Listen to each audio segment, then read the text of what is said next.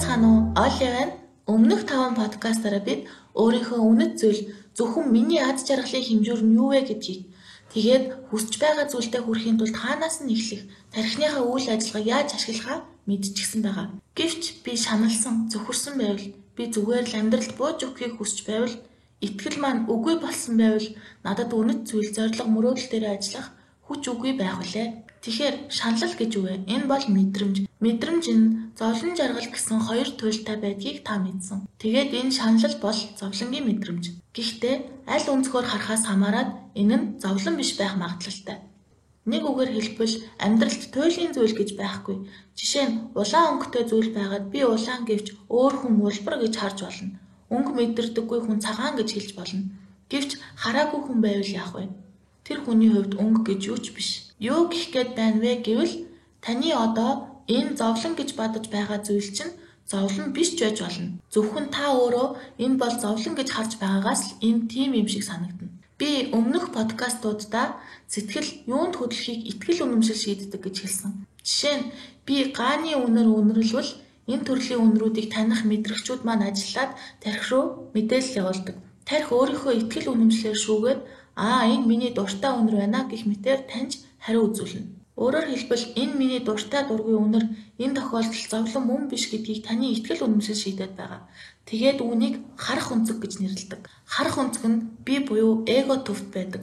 Жишээ нь надаас миний хайртай хүн салахыг хүсч байвал салах нь тэр хүний хувьд аз жаргал харин миний хувьд зовлон болно. Тэрнээс салах гэдэг үйл явц нь өөрөө туйлын чанартай биш гэсэн үг. Зөвхөн миний л эго энд ажиллаж Чи надад хэрэгтэй байна. Надад надад гэсэн үзэл байгаа болохоор энэ нь зовлон жаргал гэсэн хоёр туйл хуваагдаж байгаа. Гэвч хийсэн зүйл минь бүтлгүүтэж би бусдад доромжлуулж эсвэл би дампуурсан байвал яах вэ? Эн чинь зовлон шүү дээ гэж та бодож магадгүй. Тэгвэл таны өрсөлдөгч компани чинь хувьд энэ нь сайхан тохиолдол биш гэж үү? Энэ тухай ярихаар тэгээд би бусад хүмүүс баяртай байвал би ч яах вэ гэж бодох ёстой гэж үү? Би эгогоо дарах ёстой гэж үү гэж асуудаг. Энэ бол таны сонголт. Зөвхөн Энэ байгаа байдалдаа дахиад хэд хоног үлдэж шаналлах шаардлага танд байхгүй гэдгийг л би баттай хэлж чадна. Мөн та хоёр дахь подкастаар ухамсартай тархины шийдвэр гаргалтыг префронтал кортекс тархи хариуцдаг. Тэгээд префронтал кортекс тархины хүч нь нэмэгдэж хасагдаж байдаг чанартай гэдгийг мэддэг болсон. Тиймээс өөрийнхөө шийдвэр гаргалтыг хүчтэй байлгах, префронтал кортекс тархиныхаа хүчийг гамнахын тулд өөртөө гимшээд байх хэрэггүй. Үүний тулд та цэг суугаад анхаарал төвлөрүүлэх бясалгал хийж болно. Мөн эрч хүчтэй хөдөлгөөн эсвэл зүгээр л дуртай зүйлээ хийж болно. Мөн бодлороо за энэ нэг зүйл тохиоллоо одоо би мэддэг боллоо туршлах суулаа гэж хүлээж авах хэрэгтэй. Учир нь бодол мэдрэмж болдог. Мэдрэмж үйлдэл болдог. Үйлдэл нь эргээд бодол болдог. Тэгэхээр хэрэг мэдрэмжээ салахыг хүсвэл бодлоо эсвэл үйлдэлээ сольж болно. Яагаад тэгдэг вэ гэвэл түрүүн би гааны үнэр үнэрлэхэд миний хамарны энэ төрлийн үнэрийг таньдаг мэдрэгчүүд тархи руу мэдээлэл явуулдаг гэж хэлсэндээ.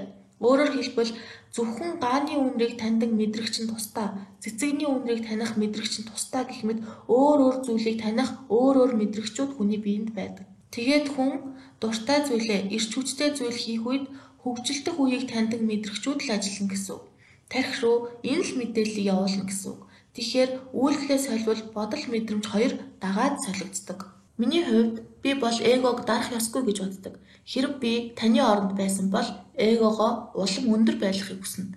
Яагаад гэвэл сэтгэл зүйн шинжлэх ухаанд Зигмунд Фройдын тайлбарласан психоанализ гэж ойлголт байдаг. Энд хүний сэтгэл зүйг суперэго, эго, ID гэсэн гурван төлөвт байдаг гэж тайлбарладаг. ID гэдэг нь хүсэл шунал, Хүн юу ч хамаагүй хүсч болно. Жишээ нь би тэр форшиг унмаар байна. Би би хүсч байна гэсэн төлөвт хүнийг оруулдаг. Харин супер эго бол надад юу ч хэрэггүй. Миний пүрүүс надад болоод л байна. Би байгаагаараа сайхан байна гэх ойлголт юм. Энэ хоёрын голд байгаа эго нь алинд нь үйлчлдэг гэж та бодож байна. Энэ их сонирхолтой. Эго нь ID-гийн хүссэн зүйлийг супер эгод тааруулж авах гэж амьдрал дээр шийдвэр гаргадаг. Тэгээд Хүний дотор ID, суперэго хоёрын аль нь давамгай байгаагаас хамаарат хүн өөрөө тийм хүн болно гэсэн үг. Хэрв би ID маань давамгайлсан хүн байвал би сэргэлэн тэмцэгч хүн гэсэн үг.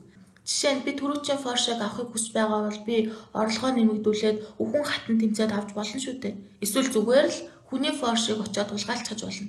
Хүсэж байгаа зүйлээ яаж өөрийн болгож байгаад л хүн сайн хүн муу хүн гэж ангилагдана. Тэгэхээр ID өндөртэй байх нь муу биш гэсэн үг. Харин супер эго маань давмгаалсан бол би идэвхгүй урсгалаараа явагч нэгэн болж болно. Энэ тохиолдолд сэтгэл хөдлөлөө ашиглаж ID-га өндөр болгож болдог. Сэтгэлээ хэрхэн хөдлөхийг та өмнөх подкастуудаас мэддэг болсон. Шаналх, цөхрөх, амьдралд бөөж өгөх үед хүн супер эго төлөвт байдаг. Гэхдээ та өөрөө супер эго хүн биш Зөвхөн ID-гаа дарж таны эго чинь супер эгогийнхэн хүслийг дагаж байгаа болохоор л та ингэж мэдэрч байгаа. Гэхдээ энэ үед ID чинь таны дотор байж ядаж байдаг. Энэ тухай мэдэх үед та одоо яг одоо одоо л цаг нь гэдгийг мэдрэх болно.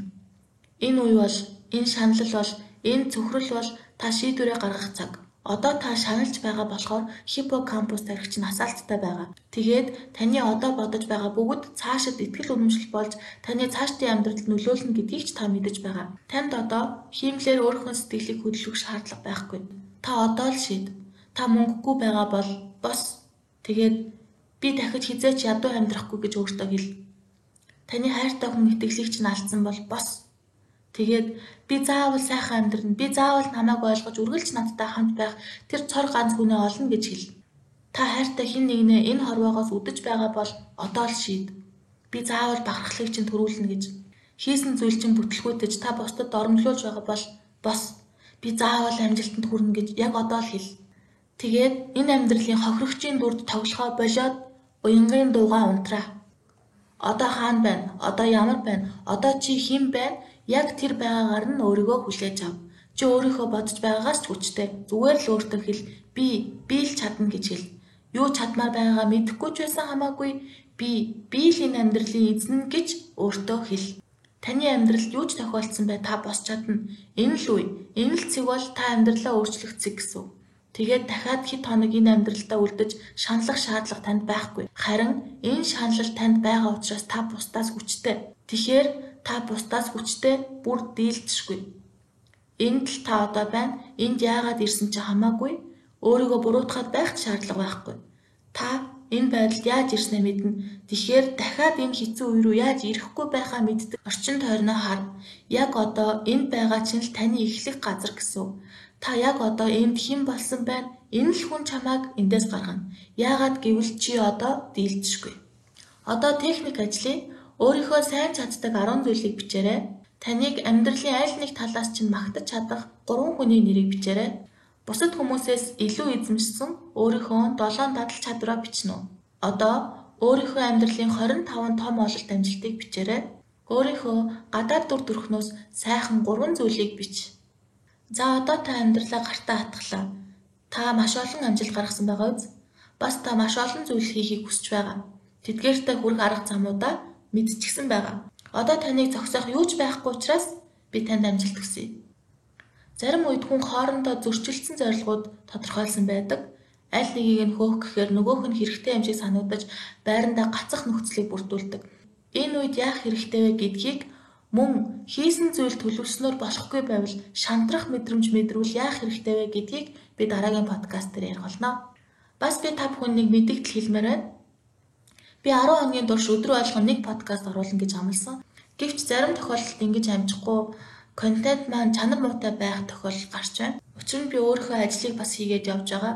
Хажуугаар нь шаардлагатай судалгаа хийх, бичсэн тэмдэглэл номнуудаа эргэж зөвхөх, контентоо бэлтгэх цаг хэрэгтэй болоод байна. Бас хөнгөн үед хоолоогоо бичих, эвлүүлэх, зураг бэлтгэх гэх мэтэд цаг орж байгаа учраас та бүхнийг ойлгоно гэж найдаж байна. Би эхлээд за ямар ч байсан өдөртөө нэгийгээ хийгээд бай гэж бодсон л та. Гэхдээ Миний үнэт зүйл бол подкаст хийх биш. Миний үнэт зүйл бол хэрв та амьдралаа өөрчлөхийг хүсэж байгаа.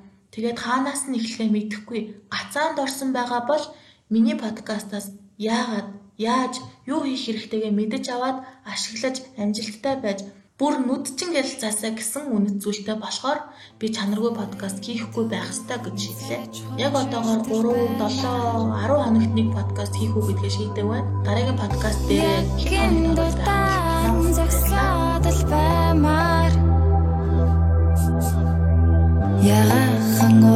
минь хомхын тас болтол баймаар. Би чамаг